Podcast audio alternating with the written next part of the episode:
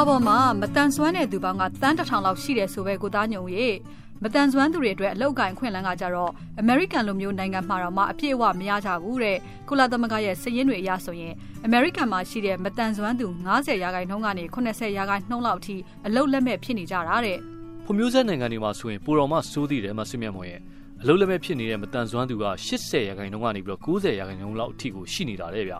အဲ့လိုမျိုးမတန်ဆွမ်းဖြစ်နေကြတဲ့သူတွေအတွက်လိုအပ်တဲ့အထောက်အကူပစ္စည်းမျိုးတွေဆိုလို့ရှိရင်လေဖွံ့ဖြိုးဆဲနိုင်ငံတွေမှာဒီလက်လန်းမိနိုင်တဲ့သူက9ရာခိုင်နှုန်းကနေ15ရာခိုင်နှုန်းလောက်အထိပဲရှိတယ်လို့ကမ္ဘာ့ကျန်းမာရေးအဖွဲ့ကြီးကပြောတယ်ရှင်။အဲဒါကြောင့်မလို့လေသူတို့လိုမျိုးတကူတည်းရပ်တည်နိုင်ဖို့အခက်အခဲရှိတဲ့မတန်ဆွမ်းသူတွေကိုနီးပညာနဲ့အကူအညီတွေပေးဖို့ဆိုပြီးတော့ Google ကုမ္ပဏီက American Dollar 30အကုန်ခံပြီးတော့ထောက်ပံ့သွားမယ်လို့ကြေညာခဲ့တာပဲဗျ။ ဟုတ်တယ်ကိုသားညုံရဲ့ဒီ Google ရဲ့ Prahita လုပ်ငန်းတွေကိုအာယုံစိုက်လုပ်နေတဲ့ google.org အဖွဲ့အစည်းကနေပြီးတော့မတန်ဆွမ်းသူတွေအသုံးဝင်နိုင်မဲ့နည်းပညာတွေကိုတီထွင်ဖန်တီးနေတဲ့ Prahita အဖွဲ့အစည်းပေါင်း29ခုကိုရန်မုံငွေစုစုပေါင်းဒေါ်လာသန်း20ပေးမှာရှင်အဲ့ထဲကအဖွဲ့6ခုဆိုလို့ရှိရင်တစ်ဖွဲ့တည်းကိုဒေါ်လာ3တန်းကျော်စီတောင်ရကြမယ်ရေဘူးရဆိုရင်တော့ဒီတစ်ဖွဲ့ကိုဒေါ်လာ9သိန်းခွဲရန်မုံငွေပေးမှာပေါ့ သူတို့ရမုံငွေပေးတဲ့အဖွဲ့တွေကနိုင်ငံပေါင်း90ကျော်မှာရှိတဲ့မတန်ဆန်းသူတွေရဲ့အခြေအနေတွေတိုးတက်အောင်လို့အကူအညီပေးနေတဲ့အဖွဲ့တွေဖြစ်တယ်လို့ Google.org အဖွဲ့ကြီးကပြောတယ်မဆုမြတ်မော်ရဲ့မတန်ဆွမ်းသူတွေကိုကိုကိုပို့ပြီးတော့မှဒီအာကိုရက်တည်နိုင်ဖို့နဲ့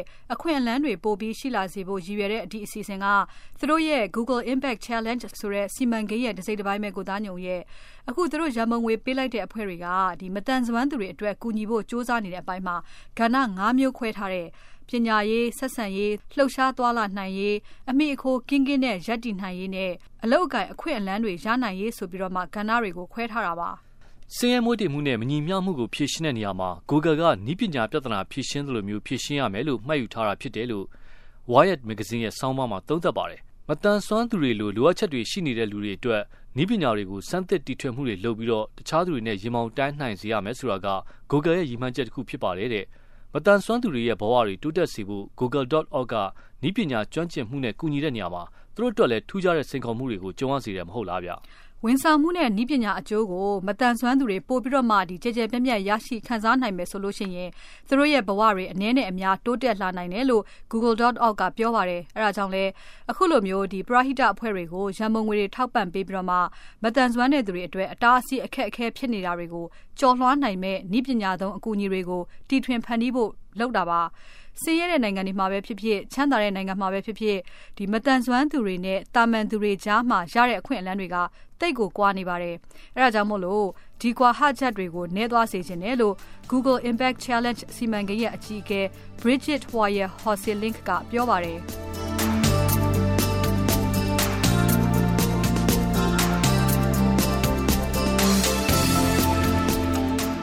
တန်ဆွမ်းသူတွေအတွက်အဖွဲ့အစည်း29ခုကနည်းပညာနဲ့အကူအညီပေးနိုင်မှုတီထွင်ဖန်တီးပေးနေတာကလည်းအမျိုးစုံပဲဗျ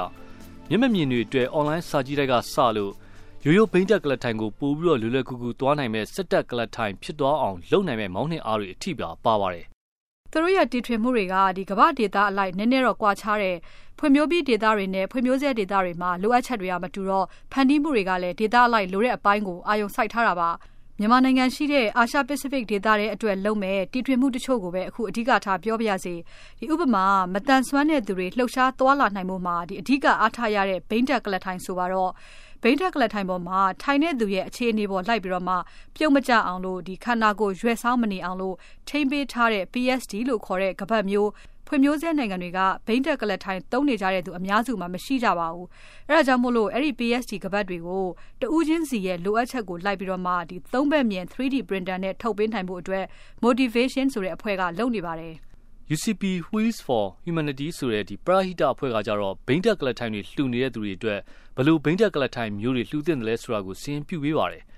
ဖွံ့ဖြိုးဆဲနိုင်ငံတွေမှာကအလှူရှင်တွေနိုင်ငံတကာအဖွဲ့အစည်းတွေအစိုးရတွေကဘိန်းတက်ကလထိုင်တွေလှူကြတာများတော့ဘလို့မျိုးမတန်ဆွမ်းသူမျိုးအတွက်ဘလို့ဘိန်းတက်ကလထိုင်တွေလိုတယ်ဆိုတာအလှူရှင်တွေစီမှာစင်းရှိဖို့ရေးကြည့်တယ်ဗျ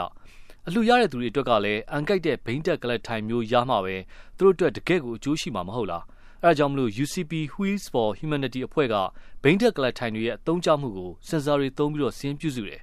နောက်ဘိန်းတက်ကလထိုင်သုံးနေတဲ့သူတွေကိုလည်းသူတို့ရဲ့အတွေ့အကြုံကို text message နဲ့စစ်တမ်းကောက်တဲ့စနစ်ကိုလုပ်နေပါတယ်။သူတို့ရသမျှအချက်လက်တွေကို online ပေါ်မှာစီးရင်ပြုစုထားပြီးရင်ဘိန်းတက်ကလထိုင်လှူမဲ့လှူရှင်တွေအစိုးရတွေကမဝယ်ခင်မှာလေ့လာသုံးသပ်နိုင်အောင်ဖြစ်တယ်တဲ့။ Wheel Map ဆိုတဲ့အဖွဲ့ကကြတော့လေဘိန်းတက်ကလထိုင်နဲ့သွာလာနေရတဲ့သူတွေသွားရလာရပို့ပြီးတော့လွယ်ကူစေအောင်လို့ကဘာတဝန်းကဒီအများပြည်သူနဲ့ဆိုင်တဲ့နေရာတွေမှာဘယ်နားမှာဘာရှိတယ်ဆိုတာကိုသိအောင်လို့စည်ရင်းပြုစုနေပြီးတော့ဒီမတန်ဆွမ်းသူတွေအတွက်လုပ်ထားတဲ့ app တို့ website တို့မှာသုံးလို့ရအောင်လို့လုပ်နေတာပါမတန်ဆွမ်းသူတွေသွားလာတဲ့အခါမှာဘယ်နားမှာဘာတွေရှိတယ်ဆိုတာကြိုသိပြီးတော့ခရီးကိုကြိုတင်စီစဉ်နိုင်အောင်လို့ပါတဲ့ google.org ရဲ့အပြောအရကတော့နောက်နှစ်နှစ်အတွင်းမှာဒီဘိန်းတက်ကလထိုင်နဲ့မတန်ဆွမ်းသူတွေအတွက်ကဘာပေါ်ကနေရာပေါင်းတသန်းလောက်နဲ့ပတ်သက်တဲ့အချက်အလက်တွေကို Wheel Map ကပြုစုပေးမယ်လို့ပြောတယ်ရှင်။ Google.org ကထောက်ပံ့ရန်ပုံငွေပေးတဲ့ထဲမှာအိန္ဒိယကအဖွဲ့တစ်ခုလည်းပါတယ်ဗျ။ Leprosy Mission Trust India ဆိုတဲ့အဖွဲ့ကအနာကြီးယောဂတွေလမ်းလျှောက်နိုင်အောင်ခြေထောက်တွေကိုသုံးဘက်မြင်စကန်ဖတ်ပြီးတော့ 3D printer နဲ့ဖက်နှက်တွေထုတ်ပေးနိုင်အောင်တီထွင်တာပါ။အိန္ဒိယမှာရှိတဲ့အနာကြီးယောဂသည်ဆေးရုံနှစ်ခုနဲ့လည်းချိတ်ဆက်ပြီးတော့အနာကြီးယောဂသည်တွေအတွက်ဖက်နှက်ဒီဇိုင်းဖက်နှက်ထုတ်လုပ်ရေးတွေကိုပါအစမ်းစလုပ်နေပြီဗျ။အခုပြောခဲ့တာတွေကဒီ google.org ရဲ့ထောက်ပံ့ရန်ပုံငွေနဲ့ပရဟိတအဖွဲ့တချို့ဤပညာကိုအသုံးချပြီးတော့မှမတန်ဆွမ်းသူတွေအတွက်အကျိုးရှိစေမဲ့တီထွင်ဖန်တီးမှုလုပ်နေတာတချို့ပါ အခုလိုမျိုးဒီနီးပညာကုမ္ပဏီကြီးတွေကမတန်ဆွမ်းသူတွေအတွက်ကိုငွေကြေးအများကြီးအကုန်ခံပြီးတော့တီထွင်မှုတွေထောက်ပံ့ပေးနေတာတွေကတော့အသစ်အဆန်းမဟုတ်ပါဘူး။နောက်ပြီးတော့ဒီ Mark Zuckerberg တို့ Bill Gates တို့လိုမျိုးနာမည်ကြီးနီးပညာကုမ္ပဏီအကြီးအကဲတွေကလည်းသူတို့ရဲ့ကိုယ်ပိုင်ကြွယ်ဝမှုတွေကိုပရဟိတလုပ်ငန်းတွေအတွက်လှူဒန်းနေကြတာကလည်းအများအသိပါ။အခုလဲဒီ google.org ကပေးတဲ့ရန်ပုံငွေနဲ့ဖန်တီးမှုတွေက အားလုံးအောင်မြင်မယ်မအောင်မြင်ဘူးဆိုတာကတက်အပ်မပြောနိုင်ပါဘူးဒါပေမဲ့လည်းဤပညာနဲ့ပရဟိတလုပ်ငန်းတွေကိုဘလို့ကူညီနိုင်တယ်ဆိုတာကိုပြသလိုက်တာဖြစ်တယ်လို့ Wired Magazine ရဲ့ဆောင်းပါးမှာဖော်ပြထားပါတယ်ရှင်